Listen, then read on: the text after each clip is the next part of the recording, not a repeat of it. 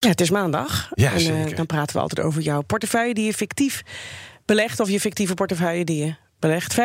25.000 euro zit daarin. Zat daarin. Daarheen is Je er weer, eh, weer iets van afgegaan. Ja, je zou DSM kopen, hè? Ja. Heb je het gedaan? Ja, heb ik gedaan. En daarom is die, eh, dat vrij beschikbare bedrag weer iets eh, afgenomen. Ehm, ik eh, verwacht veel van eh, DSM. Moet erbij zeggen, het is geen goedkoop aandeel. Het is ook al veel gestegen. Maar ja, ik heb al eerder gezegd hier, koopjes zijn bijna niet meer te vinden. Naarmate de recessieangst toeneemt. En het is maar de vraag of die recessie er komt. Maar als dat meer rondzinkt, dan eh, ja, zijn de kwaliteitsaandelen worden natuurlijk duurder. Eh, ja, tegelijkertijd, ik heb naar mijn mening. eh, alleen maar kwaliteitsaandelen in mijn portefeuille. Zou ik En- ook zeggen als ik jou was. nou ja, de- de- de- de- het is voor de luisteraar te zien op de website Ja. van BNR wat erin zit. En Noem er nog eens even een paar. nou, dan moet je denken aan Alphabet, de moedermaatschappij van Google. Ehm, ja, sinds aanschaf 3,2% gestegen. Maar bijvoorbeeld Anheuser-Busch InBev, de grootste brouwer ter wereld... onlangs een deel van zijn Aziatische activiteit aan de beurs... maar 18,4%. ASML, 30% eh, erbij. Ehm, Kijk, je gaat helemaal glimmen. Microsoft. Microsoft 10%. Kortom, ehm, er zijn eigenlijk maar twee die eh, een beetje achterblijven. Dat is Ja. Galapagos, het biotechbedrijf, met een min van 7,6%. Proces heb ik eh, net eh, in portefeuille 3,4% eraf sinds de aanschaf. Maar goed, moet nog even tijd krijgen. Unilever bijvoorbeeld ook een aandeel dat moeilijk van zijn plaats komt. Mhm. Er ge- gebeurt niet zoveel. Maar goed, overal haal je meer rendement dan eh menigene bespaarrekening. Zo ja, rond de 6 procent. Ja.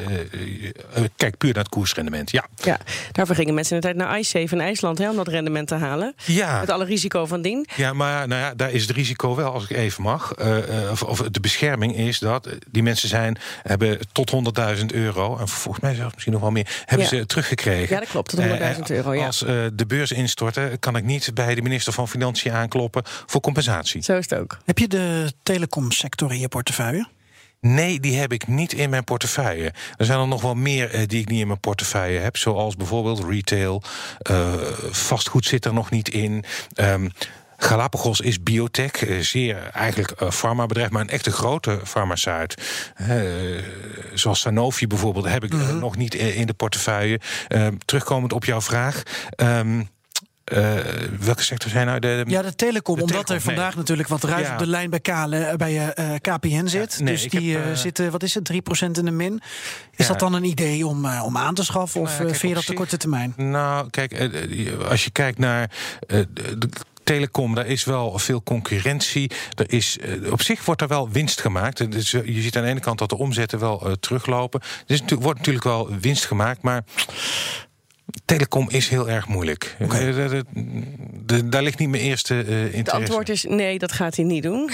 wat Ja, wat wel? Wat, wat wordt je volgende belegging? eh? Nou ja, retail zou je zeggen, daar zijn misschien wel kansen. Je hoort natuurlijk veel slecht nieuws over retail. Faillissementen, noem maar op. Maar bijvoorbeeld supermarkten draaien wel heel goed. Nou, het eerste waar je dan aan denkt is Ahold Delhaize.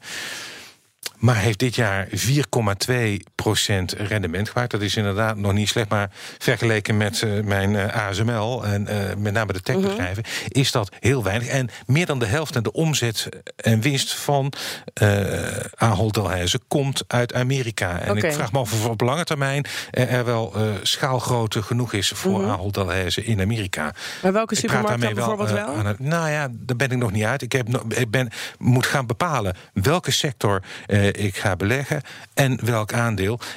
Vastgoed is bijvoorbeeld ook heel erg moeilijk. Maar er zit Oh er één in de midcap, een Belgisch bedrijf, WDP. En die bouwen en ontwikkelen, eh, verhuren eh, van die grote opsla- opslaghuizen. Logistiek voor, Oh Ja. voor, nou ja, dat is natuurlijk hot business. Dat aandeel is wel al 46% gestegen dit jaar. Maar is misschien wel interessant. Nou, je hebt een week om erover na te denken, Rob. Dank je wel.